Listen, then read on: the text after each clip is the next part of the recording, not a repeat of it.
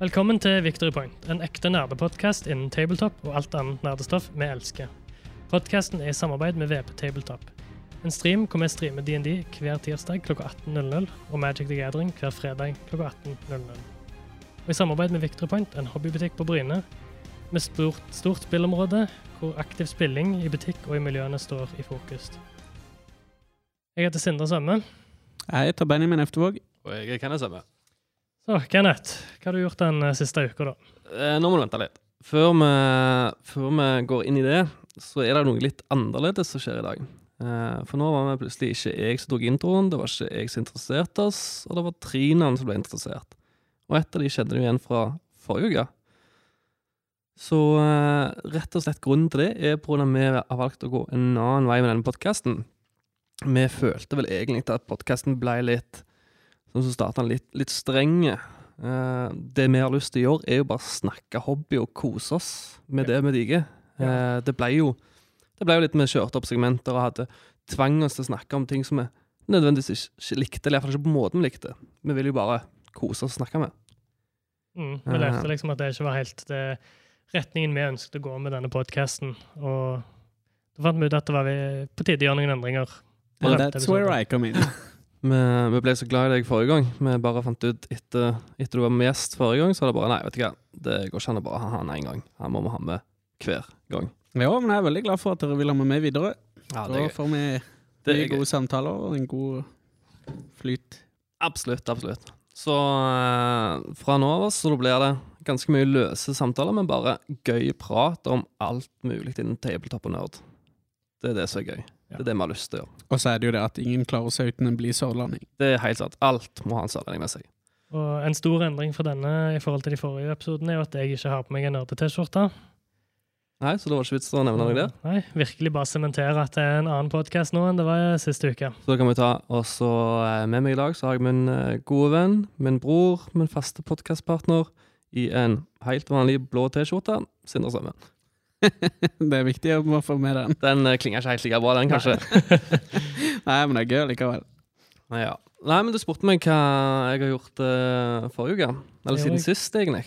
Ikke hva jeg gjorde forrige uke, men hva jeg har gjort siden sist. Uh, Det ble jo litt det samme, da, siden Jeg- vi kjører på mandag. ja, men jeg tror ikke det er um, så mye forskjell i det jeg har gjort og det dere har gjort. Så jeg tror ikke det er så mye å spørre. Jeg kan heller bare forklare hva vi alle sammen har gjort. Det kan du jo egentlig ta. Vi har jo som vanlig på tirsdagen så hadde vi en DND-stream. Sindre, du sitter der med. Benjamin, du sitter og klør deg i rumpa og egentlig vet hva du skal gjøre. Og av og til kommer inn Ja. noen teite spill. Eh, det Mr. Frigrissa for alle der, ja. Eh, og jeg sitter bak kameraet og styrer. Og så eh, var vi jo Magic Stream på fredag. Der var Ja. ikke Sindre med, men der var jo meg og deg med, Benjamin. Du Det var med som ganske gjest. spennende. Var det gøy å spille der? Ja, det var det. Eh, Det var ganske spennende å spille med, med de som òg spiller til vanlig på streamen, alle tre. Mm. Uh, I tillegg til det å lære mye nytt, for jeg kjøpte min første dekk.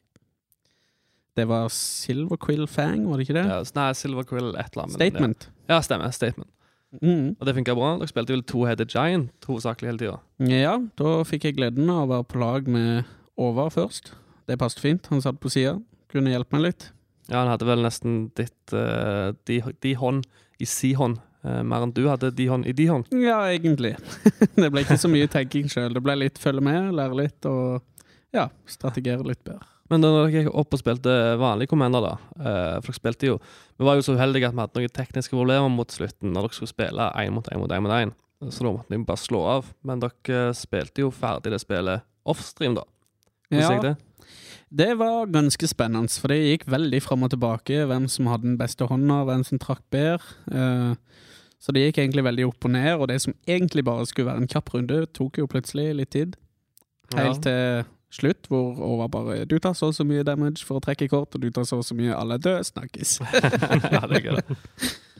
Ja, Det er vel et av de første Commander Games som du har skikkelig spilt sjøl. Ja, jeg vil påstå det. Det var gøy å tenke litt sjøl òg, altså.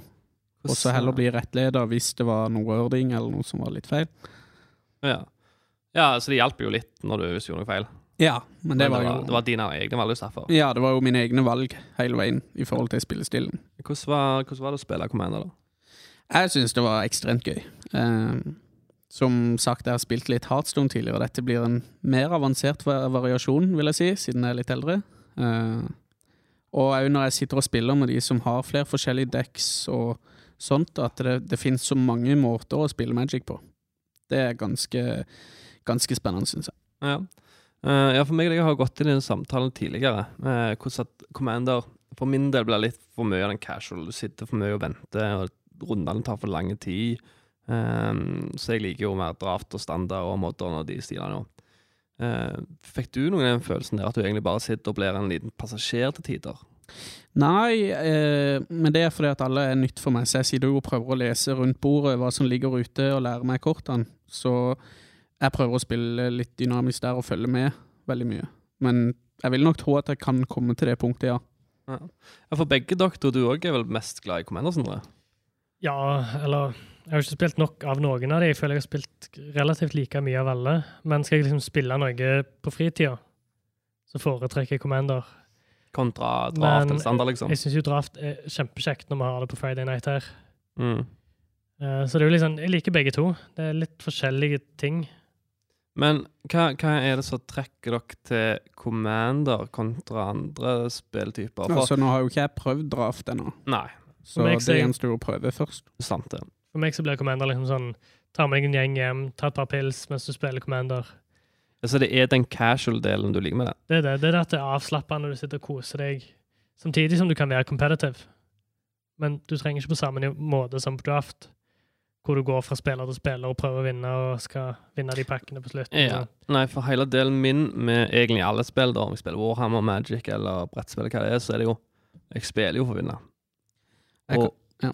og i Commander så tar du fort ut den litt. Uh, altså, det, jo, du kan fortsatt spille for å vinne, du kan fortsatt spille relativt competitive, men eh, de som spiller Commander, er ofte mer den som spiller for å ha det gøy, ikke spiller for å vinne. Og den ødelegger litt av gøyen for meg. Jeg tror gjerne Commander kan bli litt mer sånn med tanke på eksperimentering. Prøve forskjellige typer decks og, og uh, bygge forskjellige ting. Se om det funker, siden det er litt mer casual. Du vil vel gjerne kanskje ikke nødvendigvis gjøre det i en draft, hvor du spiller for å vinne. Nei, da vil du jo velge det beste du klarer, Yes. Så det blir litt mer meta igjen. Ja, Men igjen så kan du spille kompetitivt på Commander òg, hvis du vil. Ja, det er jo alltid det kan du spille med, for ganske mange, i hvert fall sånn miljøet her borte og sånn, er jo veldig derimot folk som spiller Combative competitive decks. Eh, For Commander er jo et casual format. og Det er meint å spille casual. Eh, Så det er mange som blir litt irritert hvis du spiller for Combative competitive decks, da. Og da passer det ikke helt meg. Sånn så jeg har jo tenkt å lage meg et uh, Commander-dekk. Eh, så jeg skal lage meg nå. Jeg har jo et par sånn Commander-dekk som har fått det i butikken, men, men jeg har tenkt å lage meg mitt første Commander-dekk. Og det skal være med, med en Commander som heter Send Triplets.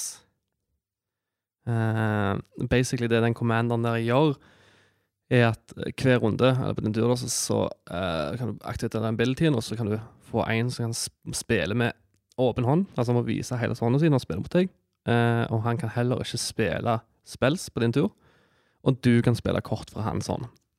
Så det er jo bare sånn superirriterende dekk å spille med, eller spille mot. Det blir jo sånn kontrolldekk, på en måte.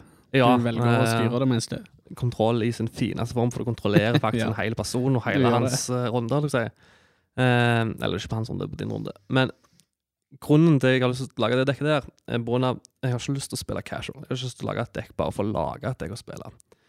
Så når jeg fant ut at jeg måtte lage meg Commander-dekk for å spille Commander, så gikk jeg inn på et, en nettside hvor, hvor du kan sjekke ut Commander-dekksene.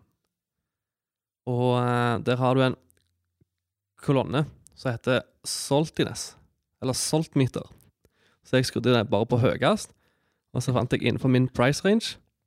Og så valgte jeg det dekket som hadde høyest saltmeter innenfor min price range. Det er litt sånn jeg ser for meg du er til Jo, vanlig men- når jo, du kommer til games. Jeg er ikke overraska på den, altså. Nei, hvis jeg ikke kan spille competitive, så vil jeg gjøre noe gøy ut av det. Og da er det den måneden. Ja, den ser jeg. den ser jeg. Og det er- det er jo klart litt gøy òg. Altså, hadde jeg kommet imot din dekk, så kunne jeg jo ikke gjort noe annet enn å le. Når liksom du må sitte med kortene ute og bare 'vær så god'. Ikke sant? Men så kan du møte feil spillere som bare syns at det blir for irriterende. For jeg kan skjønne det, hvis jeg hadde gått competitive med det dekket, hvis jeg hadde prøvd å gjøre det så bra som mulig, eller bra som mulig, og prøvd å vinne med det mens jeg hadde spilt det irriterende greiene, så kan jeg skjønne at folk hadde blitt mad på det. Men det er liksom min måte å kunne spille casual. Da må jeg bare være en irriterende person. Ja, om det er det som er litt gøy da med casual, for da kan du jo gjøre det. sant? Altså, du, Casual tenker jeg litt mer sånn du spiller litt som du sjøl har lyst til å spille. Du må liksom ikke følge en linje for å vinne. Du gjør det du har lyst til. Absolutt. Men ville begge dere sagt at dere er mer casual spillere innen det meste? Eller for, for jeg, Ja, jeg hadde tenkt å si det. ja, ok. Det vil Ja, jeg for jeg, ja. Jeg er competitive innen alt. Uansett hva det er. Om jeg skal flippe coins, så er jeg competitive, liksom. Kan jeg finne en edge, så finner jeg en edge. It's not about the destination, it's the journey. Hvem er det? Bare for å gå litt videre på den, for den er ganske interessant. Jeg, dere er casual, dere er for å ha det mer gøy. Dette kan høres litt teit ut, men spilte dere noe sport i barndommen? noen dere? Var med noen idretter? Nei, ingenting. Spilte fotball til andre klasse. Ok. Nei, for jeg kunne kanskje tenkt meg at det, For der er det jo alltid foreldrene sier det handler om å ha det gøy, ikke å vinne. Og alle de som ikke er de beste innen sporten, eller ikke blir valgt først, det er alltid det. Det er mer gøy å være Det er mer gøy å delta enn å vinne. Jeg var veldig flink i sport, da. Ja, men det er bra. Men uh, det er en annen sak. okay. Nei, jeg bare litt sånn curious der, bare se om dere hadde competitive fra tidlig av, eller ikke. En dårlig start på det nye podkastformatet vårt når vi går inn på sport på, med en gang. Ja, det var bare mitt, Jeg prøvde å tenke litt eh, psykologi inn i hele bildet, for å se om, for, for om det har noe med at hvis du har drevet masse med sport når du er liten, at du automatisk blir mer competitive hvis du ikke har gjort det, så, så det kan jo tyde på det. kan være med, det kan være en fin kobling mellom det, og det makes sense. Um, så du var faktisk med på streamen på fredag. Ja, jeg var det. Den første gang jeg ikke ser på, så er du på streamen. Yes, det er stemmer. Det Da må jeg jo nesten se han på YouTube. Nei, men han måtte jo være med, for det kom til en uh, emoji av han, vet du. Så han måtte jo være med Stemmer. første dagen vi hadde den emojien tilgje- tilgjengelig. VP Tableoff. Ja. Uff. Jeg var jo innom streamen ganske kjapt bare for å sende emojien. Ja, stemmer det. Eh, men jeg var jo på grillfest med styret i Bryne rollespill, så det ble uh, Jeg fikk ikke tid til å se på streamen da. Ja, ser den, Eh, men ja, hva, der, eh, hva mer jeg gjorde uh, forrige uke? Det var For jeg- fredagen. Jeg holder på å fortelle hva vi tre egentlig gjorde sammen, for egentlig alt utenom der, fredagen, så var vi sammen. For på lørdagen så var vi Hadde noe sammenkomst da òg. Ja, det var og koselig. for de som hørte forrige episode, så spurte jo jeg Kjære Benjamin. Er du glad i brettspill? Har du spilt brettspill? Monopol, Uno.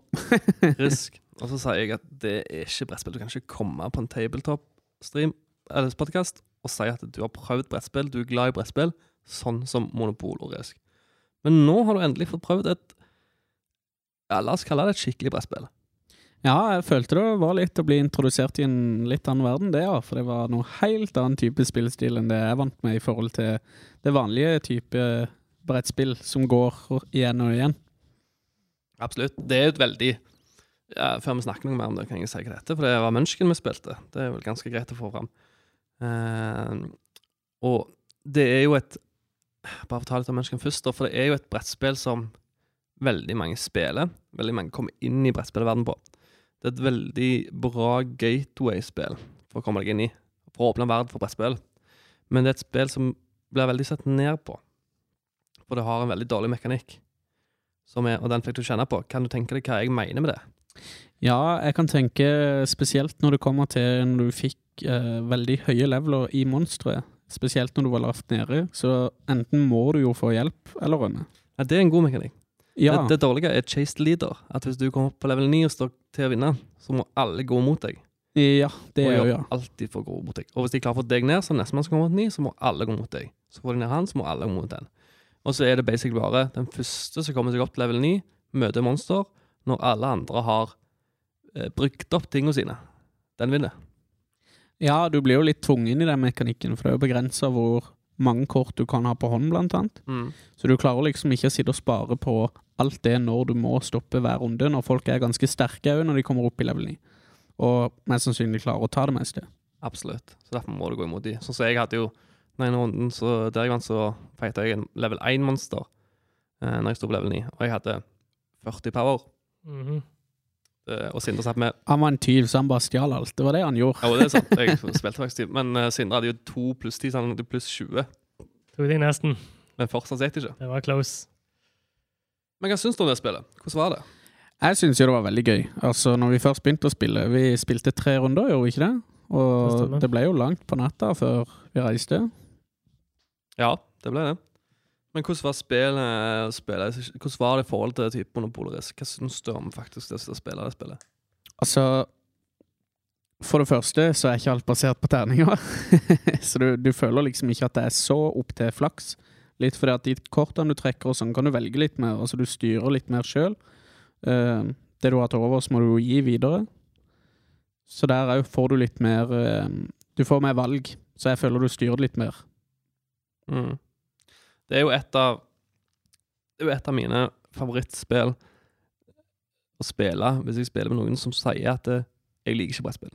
Så det er et av favorittene til Det er langt ifra et av mine favorittspill. Det er så sinnssykt mange bedre spill. Men, men, det er et veldig kjekt spill å spille med folk som sier Nei, jeg liker ikke brettspill, det er ikke brettspill for meg, osv., osv. Uh, da er det et perfekt brettspill.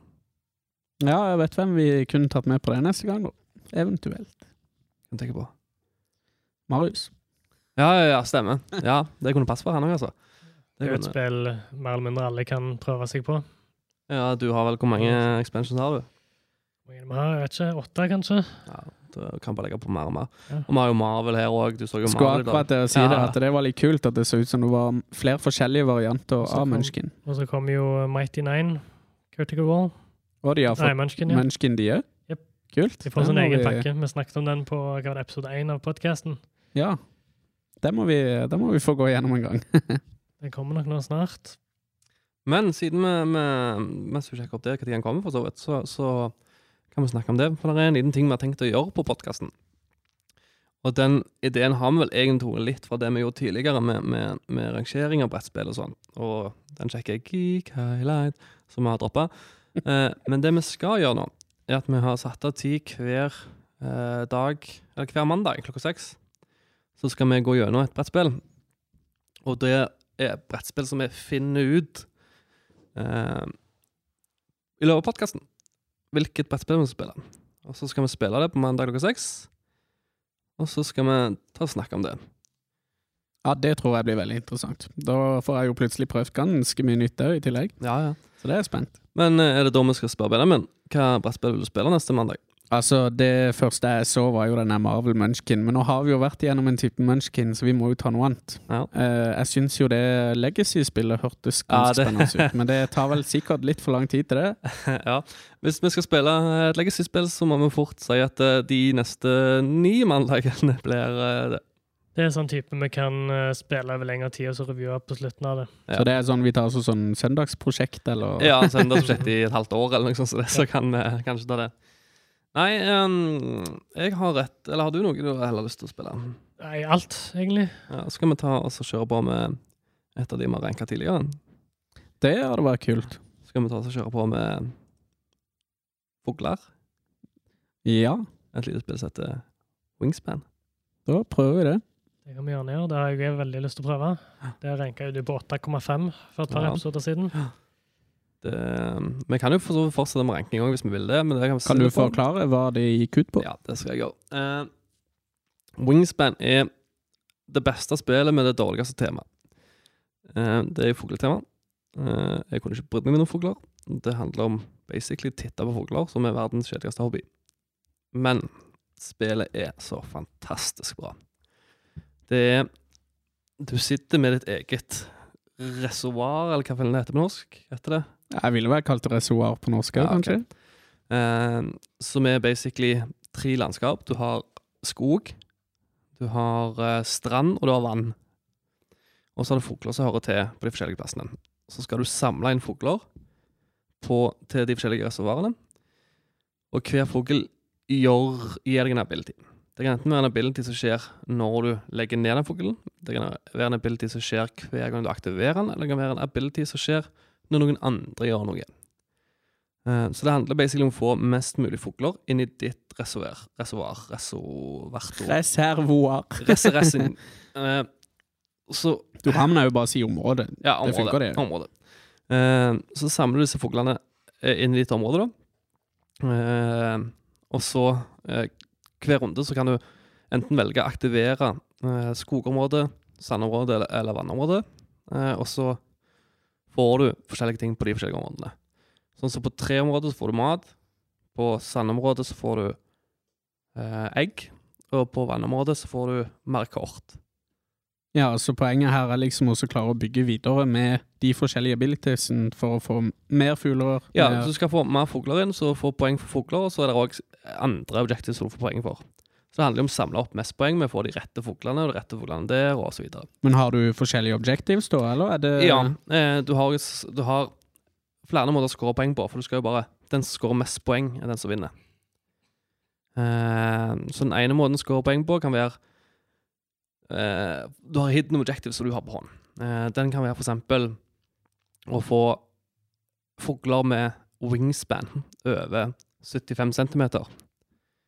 Uh, og I da må, like the pun. ja, ikke sant? Eh, Litt av det. Uh, og så må du få mesten av de. Og så er det òg andre måter å skåre poeng på. Uh, så du har flere måter å skåre poeng på, og det er alt etter hvilke fugler du samler inn. Men mekanikkene mekanikken i det er bare så godt at det blir et bra spill. Det er et så solid spill i seg sjøl. Jo, men da gleder jeg meg til å prøve det. Monday, Monday. Ja, jeg har jo allerede sagt jeg har veldig lyst til å spille det. Ehm, men ja, jeg syns egentlig vi kan fortsette litt med den uh, rankingen, men sånn, hvis vi tilfeldigvis snakker om et spill, men spesielt det mandagsspillet, så kan vi jo godt ranke det. Og Benjamin har jo egentlig ikke ranka noe skikkelig ennå.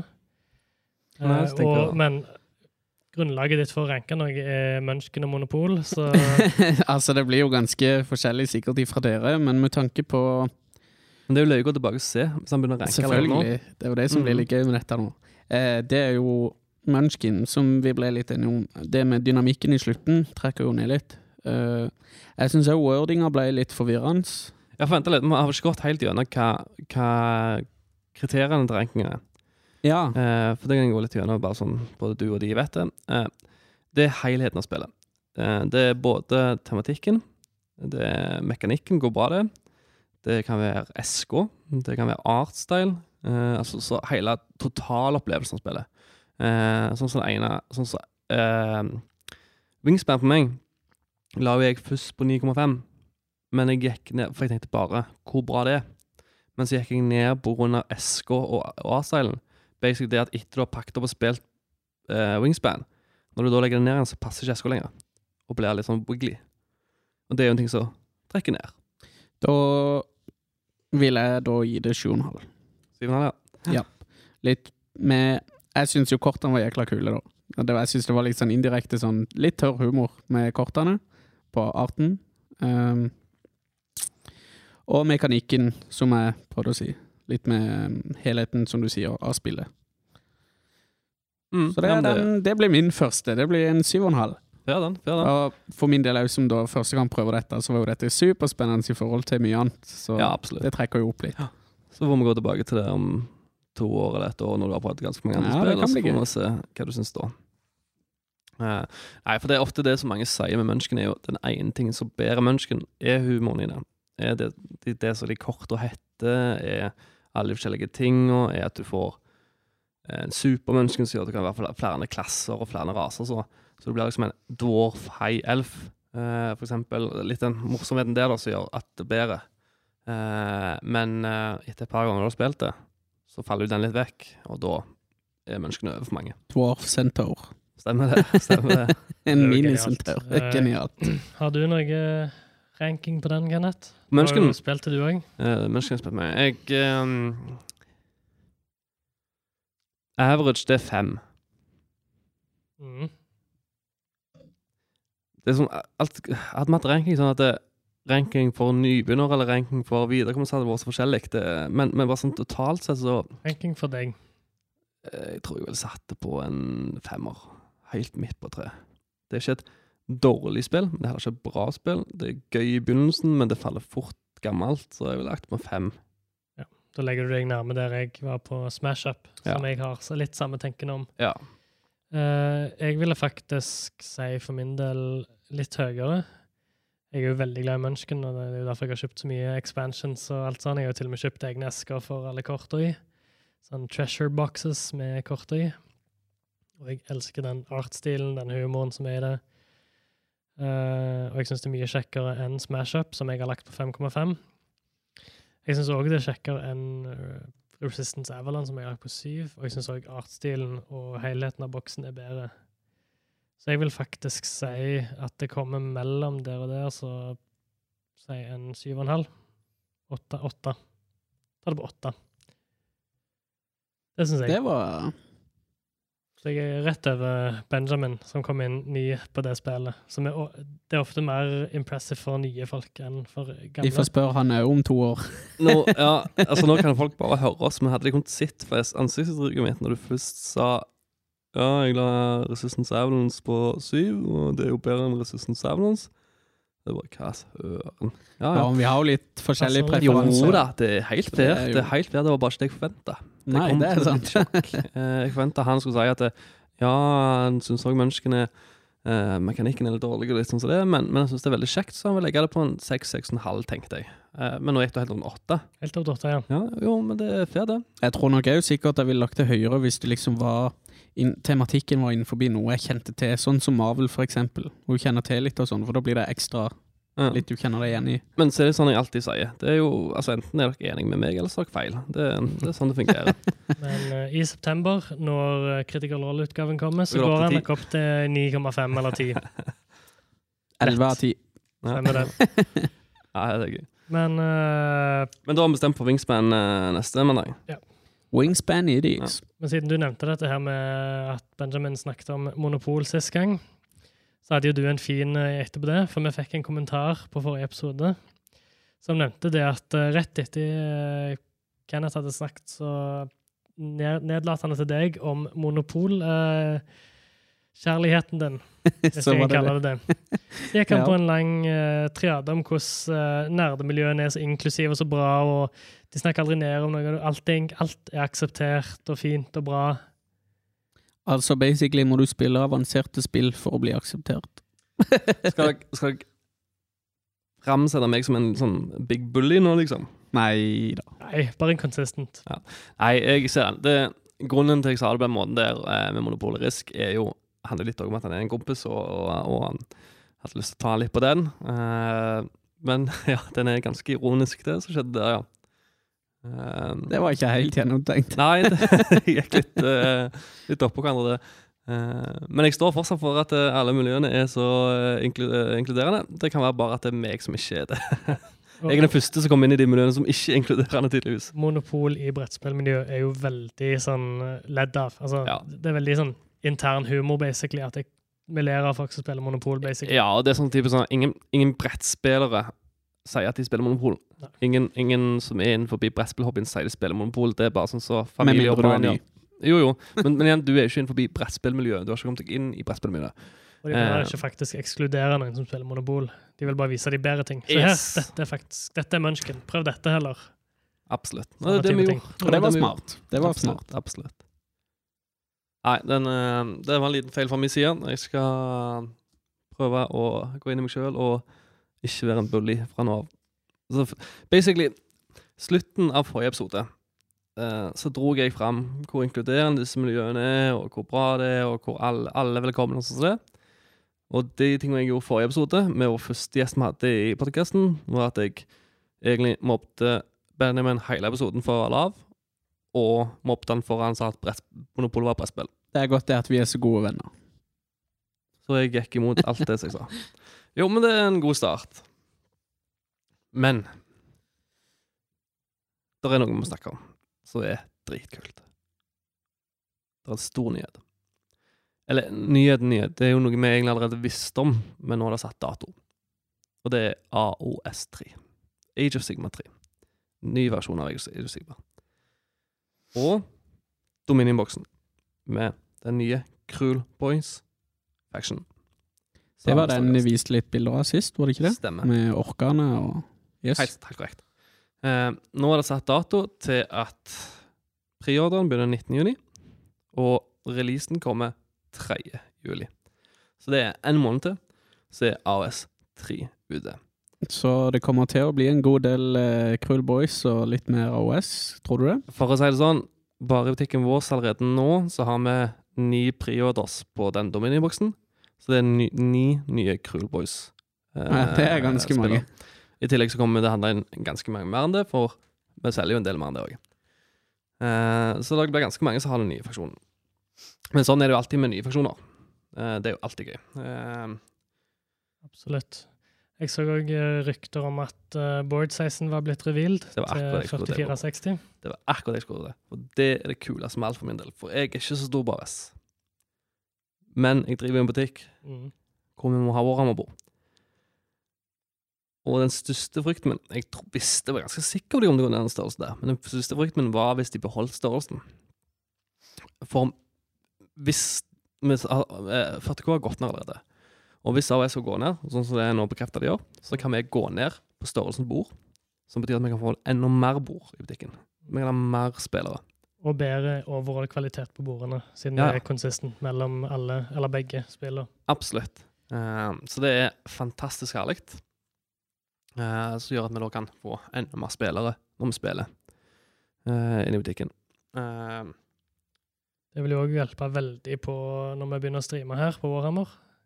Det håper vi å få til etter hvert. ja, vi holder på å teste det nå. Ja, og da få samme størrelsen på begge spillene, for da kan både AOS og 40K spilles på streamen. Vet du hva, siden du snakker om det på stream òg. Det er kulere nå, for Northsummer, uh, Warhammer-klubben på, på en, av War- Warhammer-klubbene på, på Jæren her, skal ha et kult event. Eller event uh, Det er en kul ting de skal gjøre. Uh, um, nå når det kommer ut fra 3. Uh, juni, juli, så skal de streame hver tirsdag, torsdag og lørdag. Eh, et game AOS, eller tre gamer, eller kanskje mer enn tre games òg, hver uke med AOS for å vise fram alle herrene i AOS. Hvor hen kan vi følge det? Hver torsdag så får du med på VP Tabletop, og hver tirsdag og lørdag så kan du få det på Norsammer, underscore Wargaming Kult. på Twitch. Kult, kult. Så der skal, de, der skal vi få fram Så det er egentlig som holder på dette eventet, men de skal også streame det på vår stream på torsdager. Så der skal de kjøre gjennom minst én kamp, med, eller sannsynligvis bare én kamp, men én kamp med hver eneste her i AS. Ja, det blir kult. Nice. Altså, som en som er litt mer på fantasy, så syns jeg jo det at eh, AOS-herrene ser jo mye kulere ut enn 40K. Så det gleder jeg meg veldig til å se. Og det er jo litt mer casual spill òg enn 40k, så det kan jo passe sånn sett. Det kule er jo bare å se om de får med Krull Boys. Ja. Det, det blir visst fram på streamen. Og hvordan det går med de. Men åssen er det med de Krull Boys, med tanke på Er de litt samme sånn som med Demons, at du kan bruke de både i Nei. 40 og Nei. OK, du kan ikke det. Det er en egen AS her. Ja. Uh, så du kan bruke en AS. Uh, men det som blir spennende, er jo alle nye herrer som regel. Og det gjelder vel egentlig alle spill. Eh, så, så releaser sånn nye karakterer eller nye herrer osv. er som regel veldig, veldig veldig sterke med en gang det kommer ut. Eh, type Sisters i 40K. Eh, type Jeg liker sukket ditt bare du nevner navnet. Ja, jeg- irriterende. Den Dyson du liker. Det er så irriterende. Lærer dere å spille tre terningsspill. Please, sisters. Eh, men eh, så har du Luminate Realm òg. I Luminate Realm Lords. Luminate Shit Lords, jeg pleier å si. Eh, I AS. De òg var knusende. De fortsatte i går. men de var knusende når de fikk hele rangen da de kom ut. Så jeg tipper jo Krylboys Boys kommer til å få samme beha- behandlinga. Og det er jo for å selge spill. Det er jo for å selge nye ting.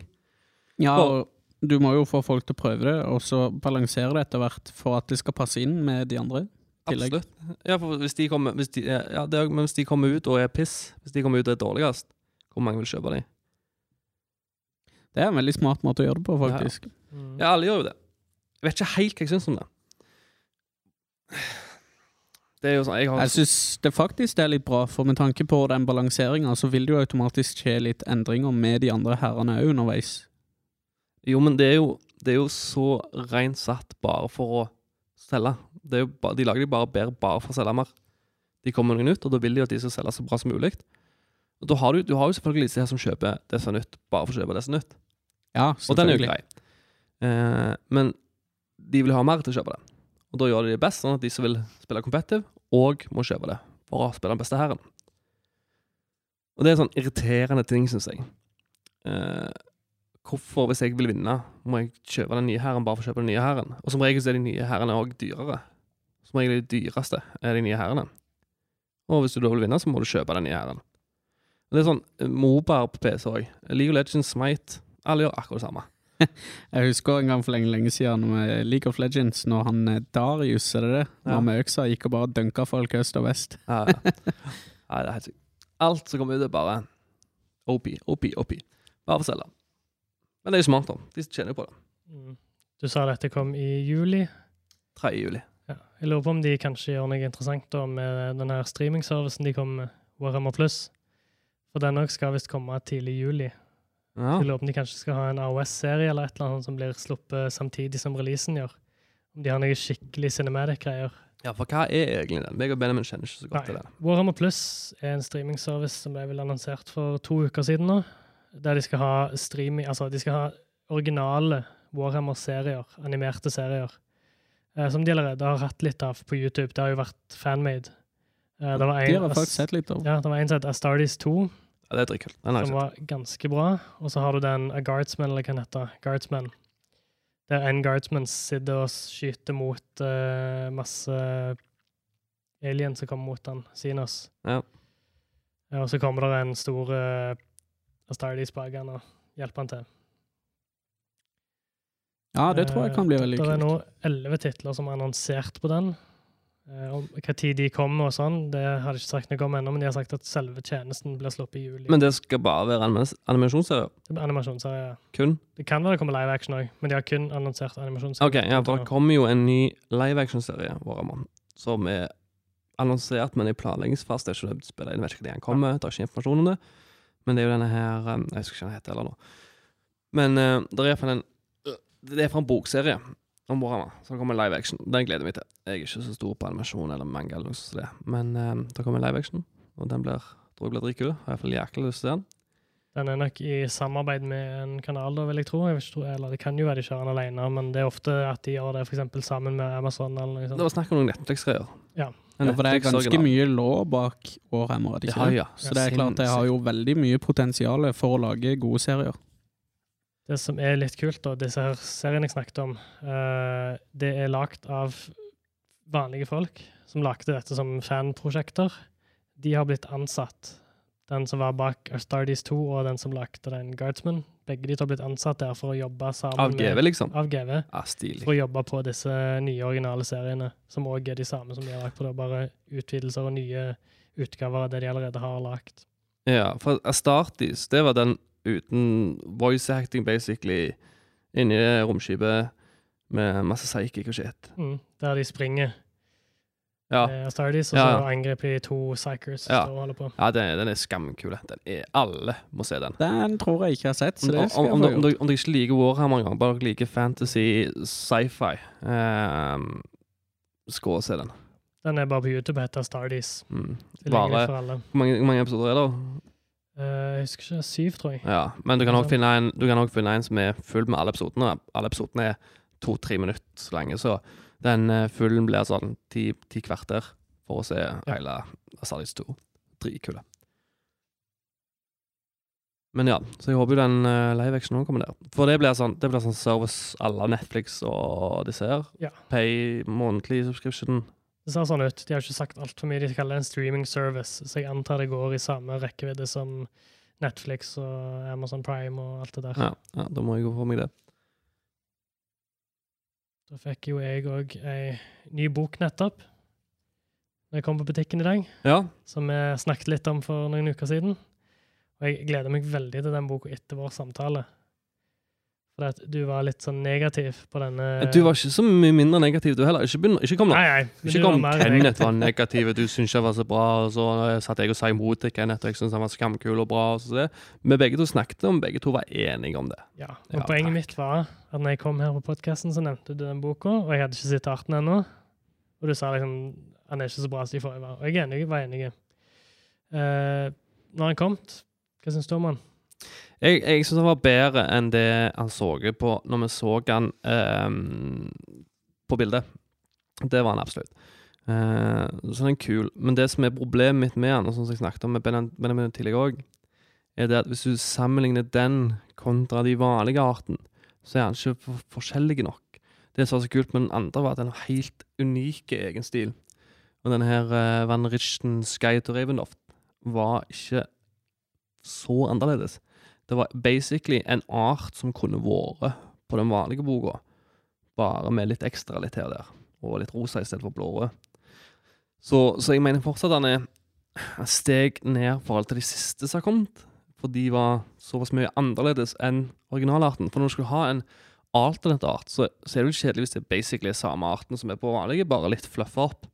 Forhold til den som var før, som var så annerledes. Det var en helt annen stil. Det så ut som sånn Det hadde vært litt kult hvis de hadde lagt den ut som en sånn Dark Book of Shadows på en måte stil, siden den er litt mørk. ja, rosa, da. Ja ja, men nå tenkte jeg liksom som et annet type cover rundt boka. Selve Ja, settingen er veldig mørk. Mm. Stemmer. Nei, altså jeg sjøl jeg ble positivt overraska. Jeg syns fortsatt ikke han holder helt mål med de tidligere bøkene som har kommet. Men jeg forventa ikke så bra som han ble. Nei, den er jeg enig i. bildene på nettet. Den er jeg enig i. Som er jo egentlig på samme stilen der. Ja. Men du er enig i at han ikke er langt nok vekke fra den vanlige arten? Nei, Han burde vært lengre lenger vekke, Han er ikke nok på en måte limited edition. ikke sant? Det er jeg helt enig i. Men det er jækla kule greier de gjør, uh, Wizards of the Coast, med dette her alternate-arten. For uh, ofte så er det jo eh, folk som gjør sånne ting. Så kommer du med en annen stil på boka, eh, og så selger du den for egentlig alltid, men for 300-400-500 kroner mer. Eh, så ei bok koster 679, eh, så selger du alternate-arten for 999. Eh, det de gjør her, er at de selger den kun med release men akkurat samme pris som den vanlige boka.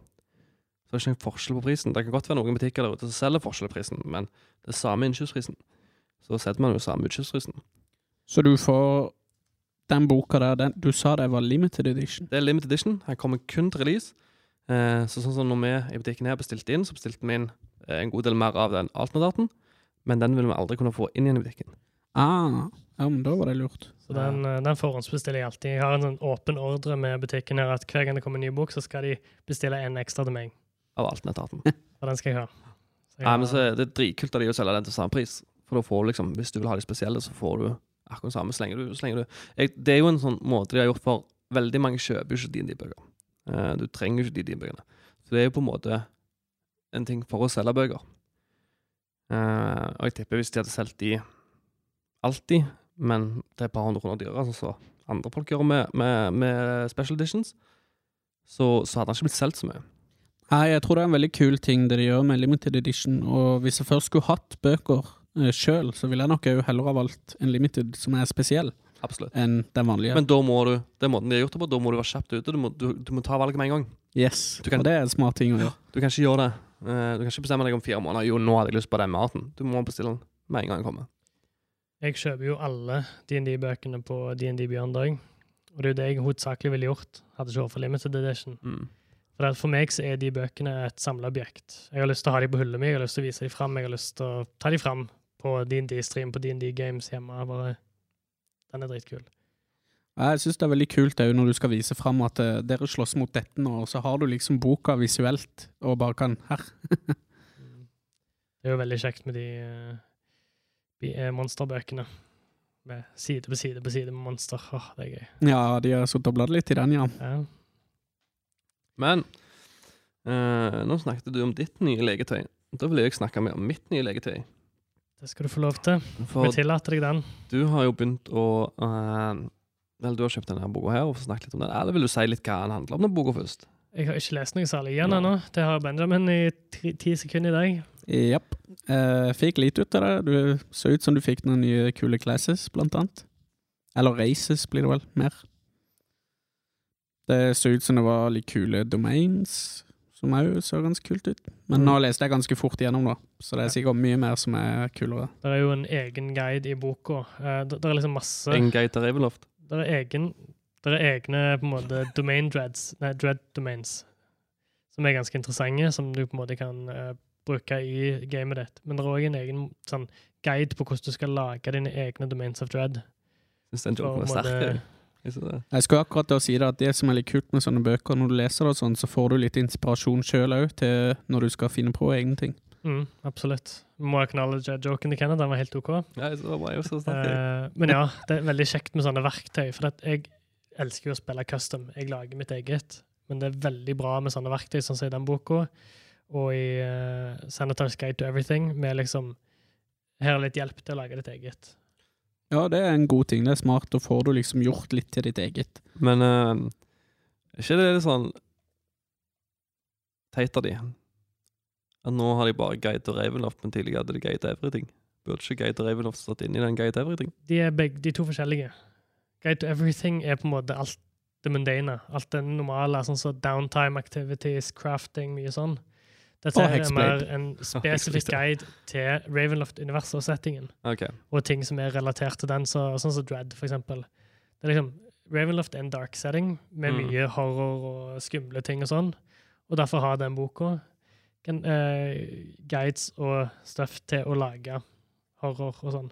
Okay. Det er en egen sånn fin tabell der med på en måte forskjellige typer horror du kan bruke på spillerne dine for å få dem på en måte til å mer leve seg inn i horroren. Psykologisk horror, for eksempel. Det kan bli veldig kult etter hvert hvis det kommer med. Kan jeg få snakke om legetøyet mitt nå? Ja, nå kan du få lov til å snakke om legetøyet ditt, Kenneth. Det nye legetøyet skal ha. vi ut litt sånn med. Nei. Um, jeg har begynt med nye Warhammer her. OK, hva var med her? Which one? Er det ingen som vet det? Grey Nights. Grey Nights, ja. Grey Nights. Du har snakket om de hele dag. Eh, Jeg snakket om tidligere på Ja, det har du faktisk. Du skal male de gull, skal du ikke? Yes, Golden Grey Nights. Jeg kjøpte min første Grey Nights i um, Skal du spraye de i gull, da, og så bare litt grått på? Ja, Det er ja det eneste han gjør. Nei, egentlig så skulle jeg få en uh, kompis av meg med sånn airbrush til å spraye den i en sånn uh, color shifting farge. Sånn at den er gull med litt grønnskjær i, så alltid hvordan lyset treffer, altså, så skifter den litt farge mellom gull og grønn, grønngull. Men det kan være jeg bare tar den vanlige sprayer. Men jeg gleder meg for nå har jeg akkurat bygd meg en av disse her dreadnoughtsa.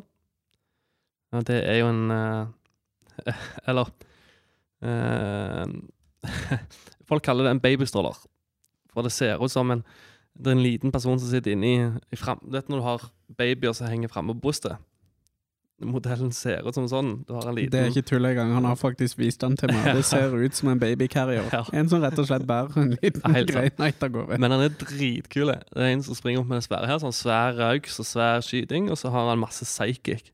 Så det er en psychic eh. Så det er en dreadnought som er psychic.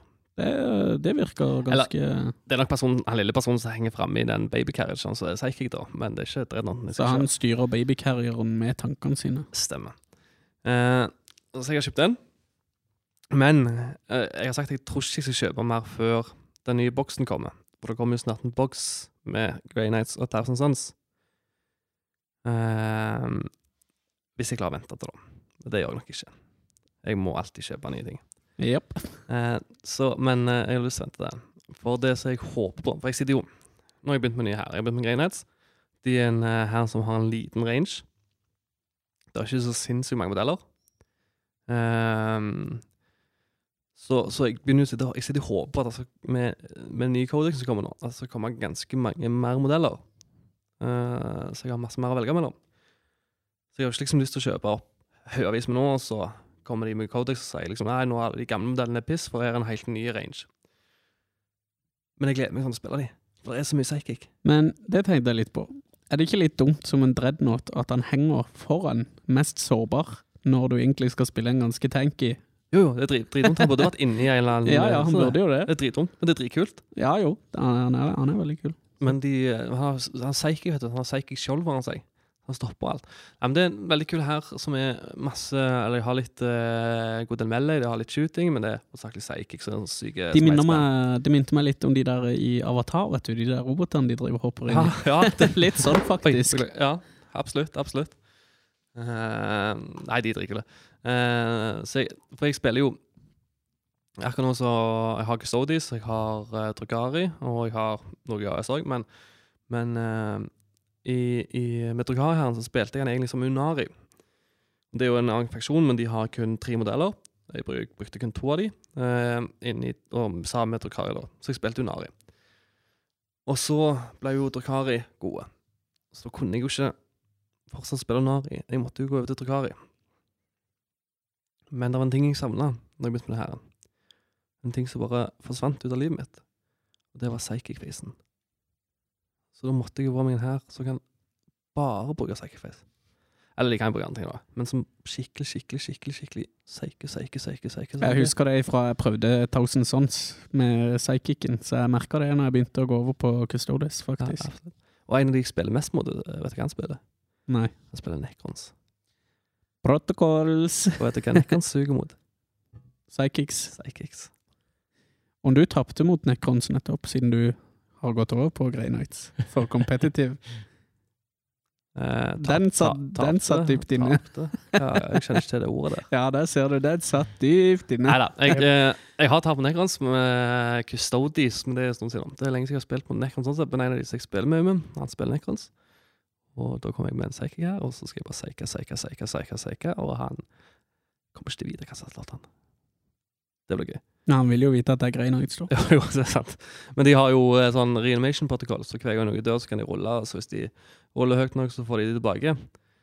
Men det kan de ikke gjøre på psychic powers. Så hvis jeg gjør damage med psychic powers, så kan de ikke bruke den reanimation-protokollen. Ja, det er jo smart. Jeg husker det fra spilt mot Necrons, at den eh, reanimation-protokollen der, den var pain. Mhm, annoying. Det visste vi ikke sist jeg spilte mot uh, Necrons.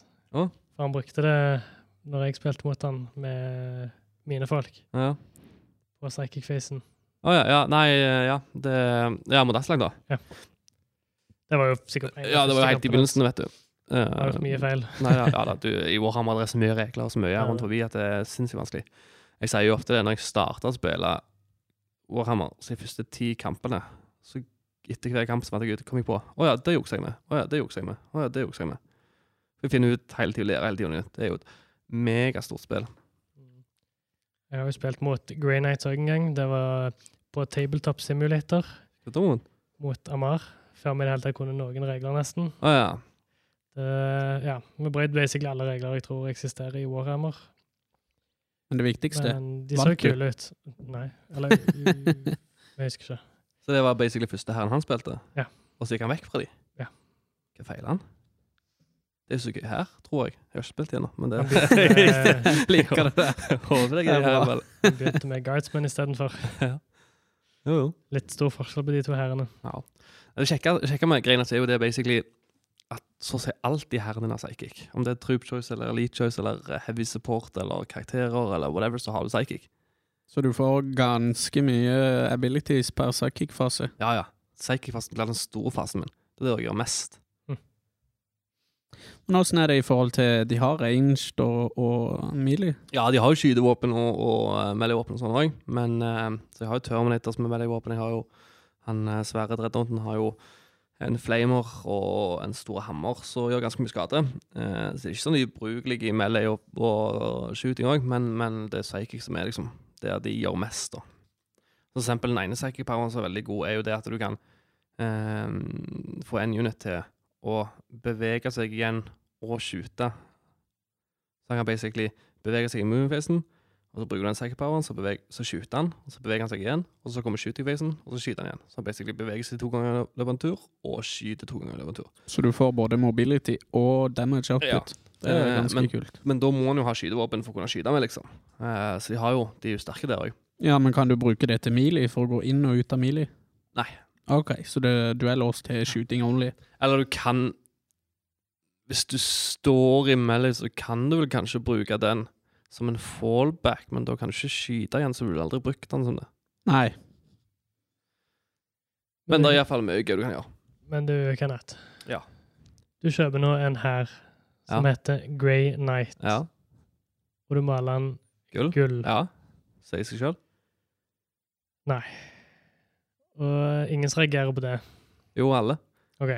Men de har feil. Du kan jo male de grå og så ha gold lining på dem. Nei, Han skal ha full gull. De skal være gull. Han skal ha full gull, ja. ja Så det det blir være mini Det custodes skal være- med psychic powers, altså. Golden Grey Nights. Det ble jo teknisk sett bare en full conversion-utseende her. Det blir jo Ja, du kan sammenligne med Custodies, men det blir Golden Grey Nights. Du har jo fargen, vet du, som hvitt gull, rosegull, så da får du grågull. Nei, jeg skal ha gull-gull. Alle herrene mine skal være gull. Det er den eneste fargen som teller. Så enkelt er det. Det er jo, det er jo min måte Altså, jeg, jeg er ikke glad i maling. Jeg er ikke stor på maling. Det er, ikke, det er helt greit å male, men det er ikke noe jeg syns er gøy. Jeg har ikke lyst til å bli noe særlig god. Jeg har ikke lyst til å bruke tid på det. Jeg har lyst til å sette meg ned og male den her, og så har jeg lyst til å bli ferdig den samme dagen med 2000 poeng. Det er ønsket mitt. Så raskt maler jeg ikke, dessverre, men det hadde vært ønsket mitt. Men når jeg da har prøvd å male vanlige farger, eller male de bra, så blir det ikke så bra. Så da fant jeg ut Da vil jeg finne min nisje, og jeg syntes gull var dritkult på Custodis. og så fant jeg ut prøve det på Drukari òg, og syntes det ble dritkult på Drukari. Så jeg hvorfor ikke bare male gull hele tida, det er Det ble faktisk veldig kult på Drukari. Ikke sant? Og det er lett. Gull er jo, en, som du sier, det er en lett farge, men det er jo en fin farge. Så han vil nok passe til det meste, faktisk. Ja, men det jo, det, Grunnen til at det er så lett, er jo mest bare det at jeg speider. Jeg sprayer gull. Og så er det bare å male detaljer. Kun de detaljene jeg vil male. Og Da blir det mye mindre på modellen. Så jeg liksom bare sprayer de gull, washer de, og så maler detaljer. Og da er det enkelt og kjapt. Og mer energi har ikke jeg lyst til å legge i maling. Ja, for all del hadde jeg brukt ganske mye mer tid og ganske mye mer energi, så kunne jeg blitt veldig mye kulere. Og for de som liker å male, så anbefaler jeg jo absolutt ikke å gjøre det på min metode. Jeg anbefaler absolutt å bruke mer tid. Men det som er jo litt kult med det med maling, er jo det at du kan jo male i ettertid òg, hvis du vil gjøre detaljene finere og sånn. Du er jo ikke et stykk med at eh, nå er de ferdig, nå kan jeg ikke male de mer. Men ja, ikke sant? Og det, og det viktige med maling er jo at du blir fornøyd. Du sjøl blir fornøyd. Og det jo jeg med mine. Jeg syns mine er kule. Og da trenger jeg ikke gjøre noe mer. Så har jeg funnet min stil for å få de raskt ferdig, men òg bli fornøyde. Jeg har jo min uh, egen her, ongoing, som jeg begynte på i fjor en gang. Ja, Hvor ongoing så lenge du har levd. eh, Ti modeller ferdig på den, eller noe sånt. Ja, Chaos, Chaos Marines, da. Wordbearer-hæren min. Jeg venter på codexen før jeg virkelig går inn for det. Det er lurt, så du kan se litt equipment og litt stuff. Og så kommer den codexen, og så sier du vente til neste codex før jeg bærer, så Men altså spesifikt Wordbearers-codexen. Jeg er jo Mm. veldig flink på unnskyldninger for ikke å male og gjøre ting ferdig. Jo, men det er sånn som jeg sa i forrige podkast. Du begynner med alt, og så ser du hva, altså, hva som stikker. Du, ser, du begynner med alt og sier du skal fortsette, men du ser hva som stikker.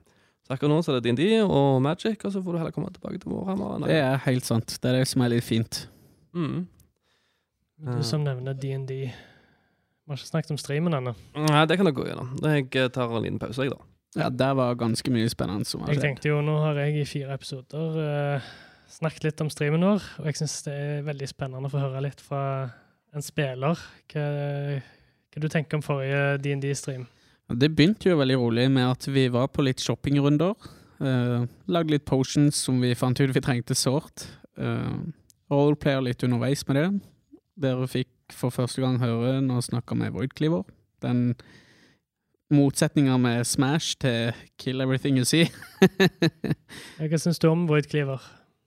Jeg likte veldig godt den dynamikken med det hat-elsk-forholdet. Altså begge vil ha noe fra den andre, men begge er litt motvillige til å gi det.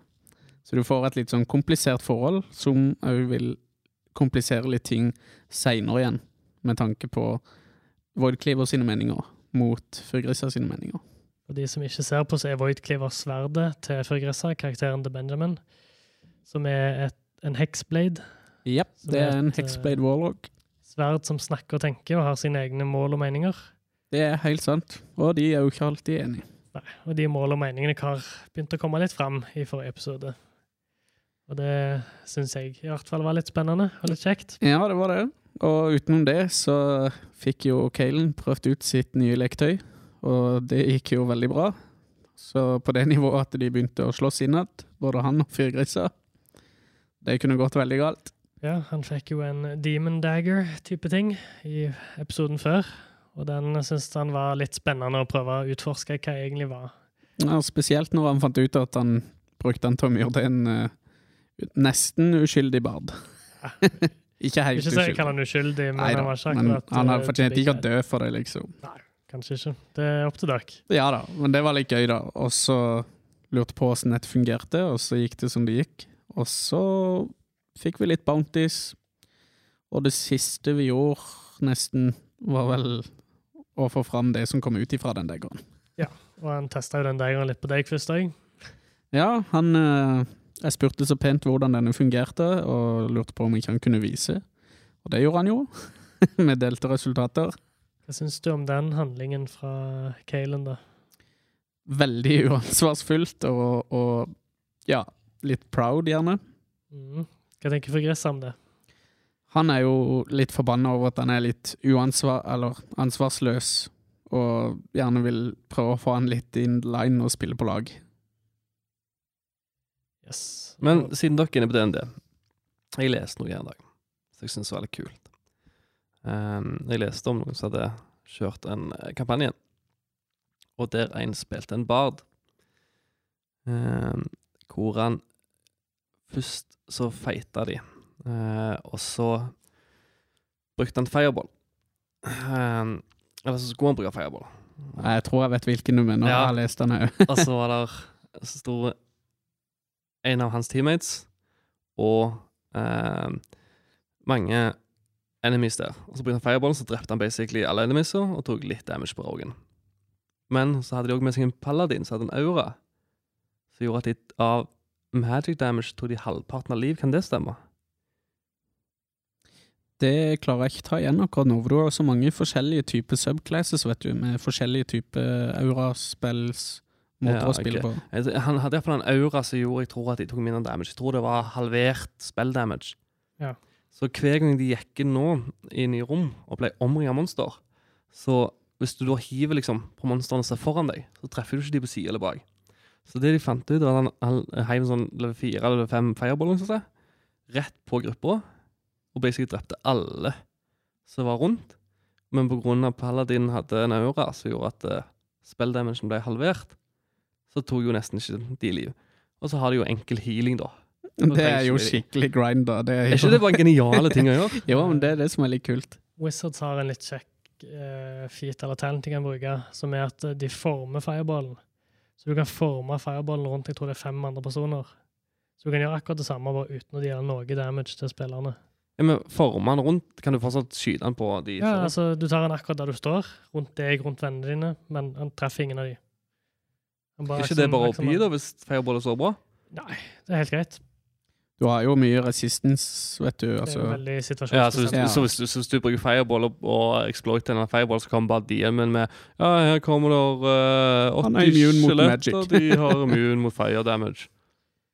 Ja, jo, det er DND for Ja, altså, ofte så vil jo òg motstanderne komme i ei gruppe av og til. Det vil jo være akkurat det samme, Ja. egentlig. mm.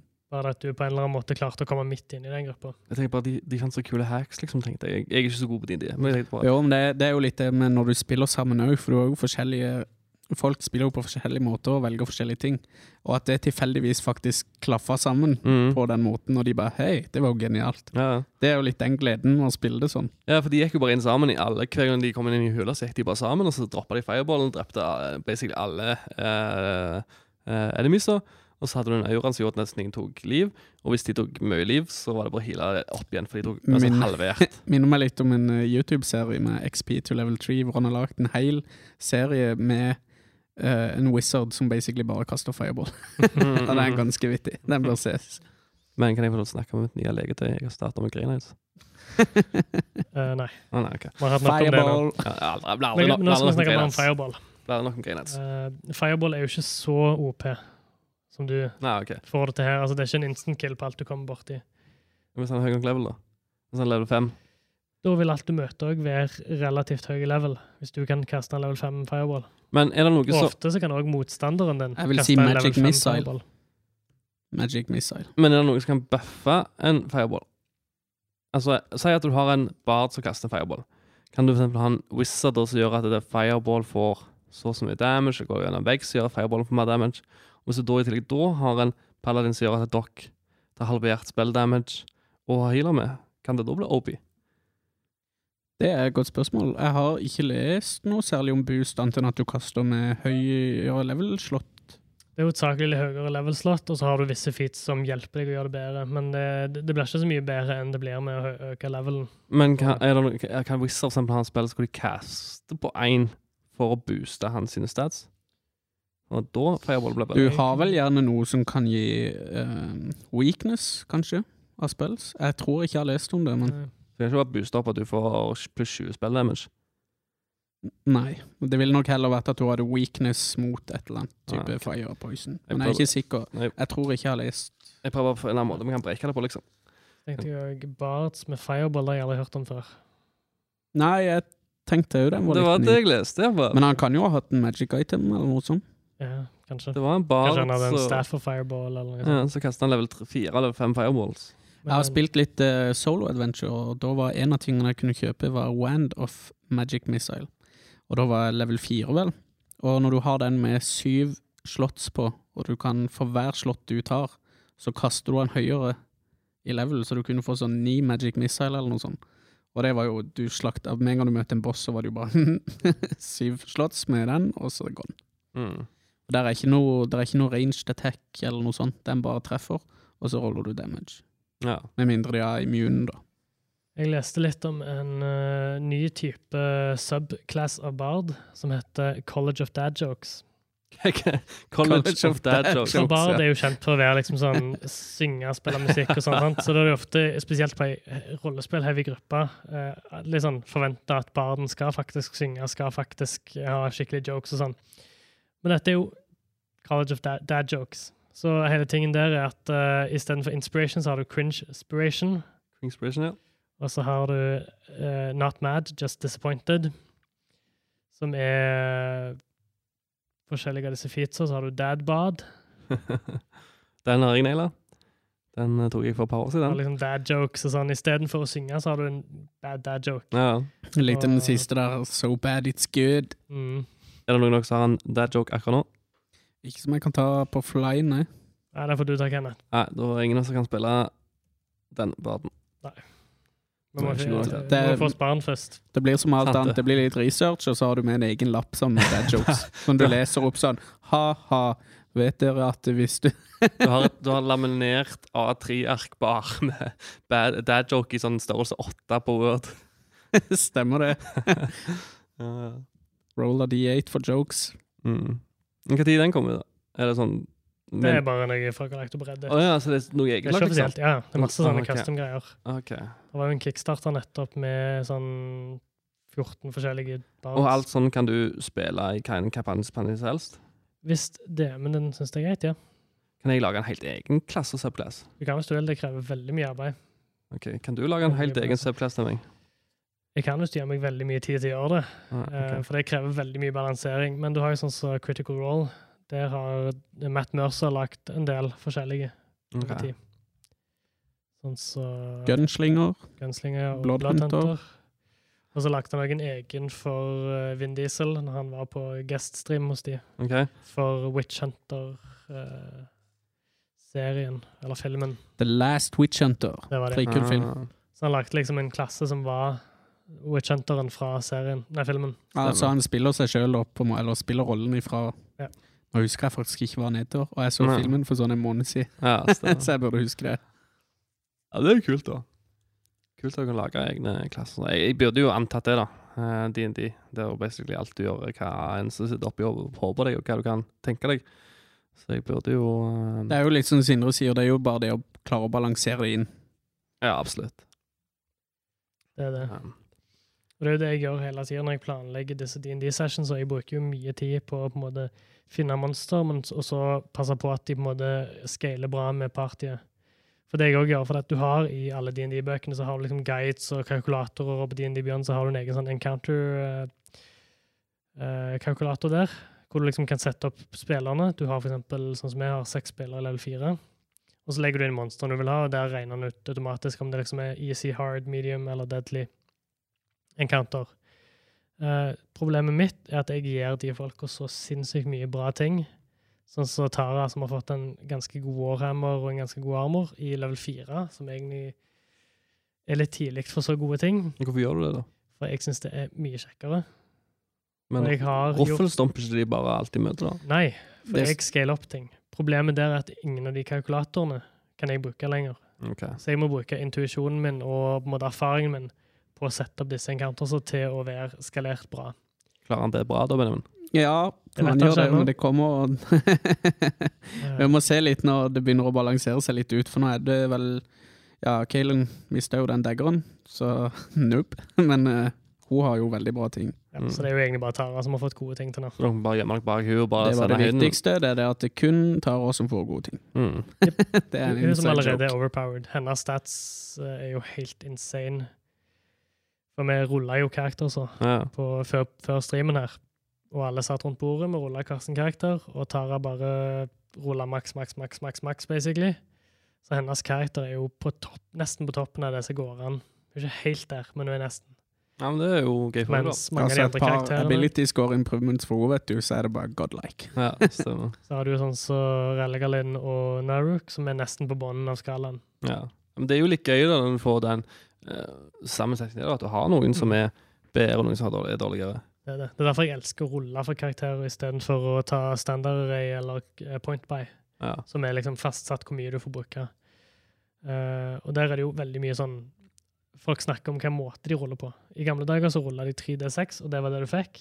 Og når du rulla det, så skrev du strength. Det er det jeg fikk i strength. Og så går du neste sett, det er det jeg får den. Så det er veldig sånn eh, Lite dynamisk hva du kan få. Så du blir liksom enten får du en veldig dårlig karakter, så får du en veldig dårlig karakter. Mhm. Det vi gjør nå, som jeg syns er en mye bedre måte å gjøre det på, det er at du ruller 4D6, og så fjerner du det laveste tallet. Da får du jo gjennomsnittet opp ganske høyt, Mhm. men fortsatt sånn at det ikke blir overpowered lett. Eh, For du kan fortsatt få en litt for dårlig karakter, derfor setter vi en nedre grense på hvor god eller dårlig karakter du kan få. Ja. Men òg så får du velge sjøl hvor du putter de statsa etterpå. Så du blir ikke låst til liksom en veldig sterk karakter hvis du egentlig har lyst til å spille en bard, f.eks. Mm. Uh, nei, kult. Vi snakket jo litt tidligere om for å gå videre. Uh, vi snakket litt tidligere om òg casual versus competitive MTG. Nå kommer jo um, en nytt sett ut. Uh, Modern Horizons 2. Det er jo et uh, Som vi snakket om tidligere uh, Modern uh, sett. Så har jeg liksom fokusert på ikke å være standard legal, så jeg skal ikke være den sta standardrotasjonene.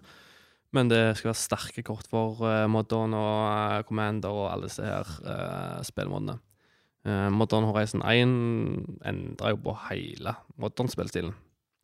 Jeg vet ikke om du har fått med deg Benjamin, men når Modern Horizon 1 kom ut, så var det sånn i stilen der at hvis du spilte Modern Modern er jo spillestil lik standard, bare at mange vi har sett er lovlige. Så sånn type sett helt tilbake fra 2012 er lovlig til å spille der. Eh, så når den, før den kom ut, så var det sånn Hvis du forsvant ut av scenen og spilte modern, og var vekke i to år, og så kom tilbake, så var det fortsatt de samme dekkene som var meta, de samme dekkene satt opp. Men når da Modern kom ut, Modern Reisen 1 kom ut, så endra det på alt det. For det kom så mange kraftfulle dekk at det kom så mange nye dekk, og det tok en stund før de beste kom fram igjen. Så det tok en stund før metaen satt seg igjen. Så det blir spennende å se om Modern Horizons 2 gjør det samme. Men vi skal jo spille litt i helga, da. Eh, for vi skal jo kjøpe hvert sitt pre-release pack Ja, det kan bli kult. og teste ut Modern blir- 2, da. Første å prøve en annen type spillestil, for min del. Det blir første gang du ikke bruker Commander, ja. Mhm. Det er din første pre-release òg, faktisk. Ja, det er jo ikke en pre-release. Det er jo bare vi som kjøper pre-release packer og, og, og tester ut. Det da, da, da blir det jo spille sealed. Sealed er jo aller draft, bare at du kjøper så og så mange pakker, åpner de og setter sammen eh, et dekk sjøl, eh, basert på de seks pakkene. Og så spiller du et par kamper og bare ser hvordan det går. Hva, hvordan tror du eh, det blir å teste ut det? Altså, jeg elsker jo å prøve nye ting. Det er jo ikke til å legge skjul på. Tror du du klarer å sette sammen noen dekk? Det tror jeg nok jeg skal klare. Jeg klarer å lese. Ja, jeg klarer å lese. Jeg kommer sikkert til å bruke 15 ganger lengre tid enn de andre, men det går fint. Ja, ja. Det, det handler jo det handler jo for synergier og sånt fungerer for Jo, ja, hvis du går med et dekk som bare tar de sterkeste monstrene, så kan det vel du klarer det, men Ja, men du bør jo ha litt synergy med at ting passer litt sammen. Altså, Absolutt. du skal jo spille sammen med kortene, du kan liksom ikke Den er god. Men klarer er du å dra fram den kompetitive Ja, kanskje. på innsiden. Det får vi se. Nå har du jo tapt i alle spill vi har spilt i det siste. ja, for det er en casual gamer, så jeg må vel bli kompetitiv. Og du innrømte i helga at du var en dårlig gamer, og du var dårlig i alle game i begynnelsen. Jeg er den som må faktisk sette meg ned og spille en måneds tid med den tingen for å bli god, god i det. Ja, Men da blir jeg sinnssykt god i det. Jeg tror hvis du bare går inn for det, finn fram den kompette feieren du har i deg. Ta fram, ber han på utsida, lag et slående dekk, knus meg. Skal prøve. Ja, Jeg tror Altså, det får dere høre neste gang om jeg har klart å slå Kenneth. I Commander. Nei, i Commander, nei, i, i Sealed, ja. Med det nye. Eh, Modern Race 2. Men Du når du skal bygge dekk, da, så er det viktig å huske at du skal ha tre farger. Nei, Det fire. er. Fire, Fire. farger, ja. Fire. Det er veldig viktig. Det er konge. For meg og Sindre Det er notert. Meg og Sindre kommer to, så du bare fire. Vi kommer til to. Ah, selvfølgelig. Luringer. Ja. Nei, det kan at du kan ha tre og fire òg, hvis det lar seg gjøre. Men tenk at du, vi kommer til å kjøre en sånn 40 kortstekk, og du skal klare å ha mana til alt dette her, og så videre, så videre, så videre. Så det er veldig vanskelig å kjøre mer enn to kaller. Men jeg må si jeg gleder meg jeg kan faktisk få være med på en skikkelig pre-release. Ja. For jeg, har ikke, jeg fikk ikke være med på den ene som har vært mulig siden koronautbruddene. Ja, Vi åpna jo rett med korona, så vi fikk ha én før de stengte helt ned. Uh, men nå er det jo nærme, da, så jeg tror forhåpentligvis eh, så kan vi ha en pre-release med det neste settet. Og spesielt siden det settet der kommer til å være deres stor favoritt. D&D Husker du hva settet er? Ja, å nei. for Forgotten. Realms. Står liksom på med hele Magic-settet står det eh, Magic the Gathering, eh, The Forgotten Realms, Dungeons and Dragons. Ja, den kommer definitivt til å prøve det. Hvis jeg ikke husker feil, så skulle det gå begge veier òg. At de skulle lage setting basert på Magic, Magic. Ja, absolutt. Det er jo samme company som lager Ja. begge ting òg, Ja, ja. så de kan jo lett gjøre det. Så det blir bra. Det blir spennende å se. For de har jo akkurat nå jo lagd et sett som jeg kaller Harry Potter-settet. Som er Strixhaven. Det er jo forskjellige skoler, eller fire skoler, eller fem skoler, eller seks skoler. et eller annet. Jeg tror det var fem skoler. Uh, så har de lagd det Harry Potter-sett, så nå blir det jo Dungeons and Dragons-settet. Hvordan de helt skal gjøre det i, i Magic, forstår jeg ikke helt. Hva Nei, tror du ikke det gjerne vil bli at det er litt av de tingene som du kjenner igjen fra din de type med spill? At det blir mye classes og sånn, kanskje? Kanskje? Jeg føler de kommer til å bruke veldig det der partysystemet som de allerede har. Ja, absolutt. For det passer jo veldig bra med Du har Warrior Rogues Wizards og shit som det. Det er godt å. Jeg likte ikke så godt det eh, i forrige sett, satte da. Nei, ikke Men det kan være det blir bra. Håper på det beste. Det er spennende å se, i hvert fall. Det er kult når de gjør sånne ting uansett. Mhm. Men ja, så det blir jo spennende å se hvordan det går med Sealden. Så innen eh, neste gang så har vi både spilt Magic Sealed mot hverandre, og Oh, vi har spilt Wingspan. Jeg gleder meg mest til det. Nei, jeg gleder meg liksom Nei, mm, Jeg ble litt, jeg ble litt sånn delt nå, altså. Jeg gleder meg til begge ting, Jeg. jeg. Jeg gjør det. jeg gleder meg til begge ting, altså. Jeg gleder meg faktisk mest til Wingspan. Jeg, jeg, jeg gleder meg mest til Magic, men jeg gleder meg mest egentlig til å se dere spille Wingspan og høre hva dere syns om Wingspan, siden det er på topp fem-lista mi av alle spill. Mm. Tingen for meg er at jeg har jo spilt Magic før. Ja. Så det, det er et nytt sett, men det er ikke nytt for meg. For min Magic del blir jo begge deler nytt, og Ja. det er jo nye kort. Mens Wingspan Absolutt. er helt nytt. Det blir første gang Spørsmål med det, de kortene da som eventuelt kommer i den, er det noe jeg kan putte inn i min dekk? Ja. Kult. I Commando-dekking tenker du på? Ja. ja, hvis det passer inn, og hvis du har lyst til å bytte ut noen av de kortene du har, med noen kortene, så kan du det. Veldig kul. Veldig kul. Absolutt. Absolutt. Uh, men det blir første gangen du åpner booster packs. Ja, det blir det. Det er jo nesten så det må filmes. Mhm. Det er noe av det kjekke. Jeg tror det er det kjekkeste med Magic, det er å åpne booster packs. Det er addictives, ja, I pre-release så kommer det vel sånn kjekke sånn pre-release-kort og sånn promokort. til Magic Arena, tenker du på? Ja. det er alltid det.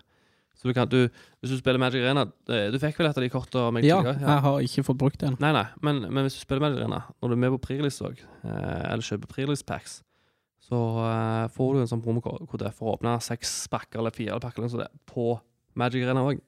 Kult. Jeg tenkte på dette her eh, promokortet det- der det står liksom pre-release-datoen og alt sånn. Nå er ikke helt med på den. Det er sånn kort med sånn litt gullskrift på bildet. Hvor det står Jo, jo, jo, jo, eh, jo promokortet. Ja. Så du får, ja, du får ett kort, foil-kort, Ja. med pre-release-skrift på. Mm. Det kan være masse forskjellig, men eh, som regel kule eller gode kort. De kan jo være veldig kule å samle på. Bare se her, jeg var på liksom pre-releasen for Ja. den, det settet, det settet, det settet. Absolutt. Uh, men de pre-release-pakkene, når det ikke er pre-release, så kjøper vi fortsatt inn en god del av de og selger som vanlig. For det er jo mange som ser oss nå som har lyst til å spille pre-release hjemme, da. Uh, så da gjør vi jo det. Kjøper pre-release-pack og spiller hjemme. Men det er ikke noen offentlig, offentlige event. akkurat. De har startet opp igjen med, med sånne events i Amerika. Uh, eller sånn som de sier, i, Amerik i Nord-Amerika utenom Canada og Mexico. Altså Mexico. Ja. Og Mexico i Latin-Amerika og Canada i Canada. Så, men de åpner opp i Nord-Amerika. Men- Så basically bare USA. Ja. Yep. Uh, jeg tenkte faktisk på det. det nå, nå kommer jeg til å styre dette her. For det er.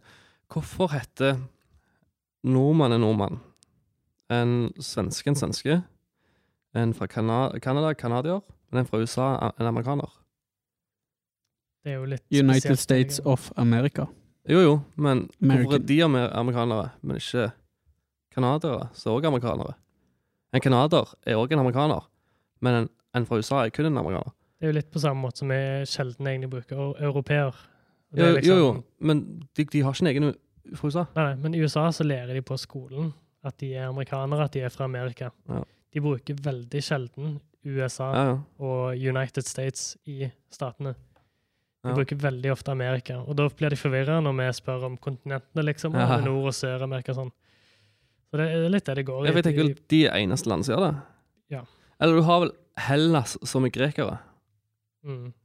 Eller der har du faktisk Jeg tror faktisk du har Nå skal jeg ha sånn Det er eh, jo litt sånn på oversettelsen vår. da. Ja, men jeg tror du har helanere.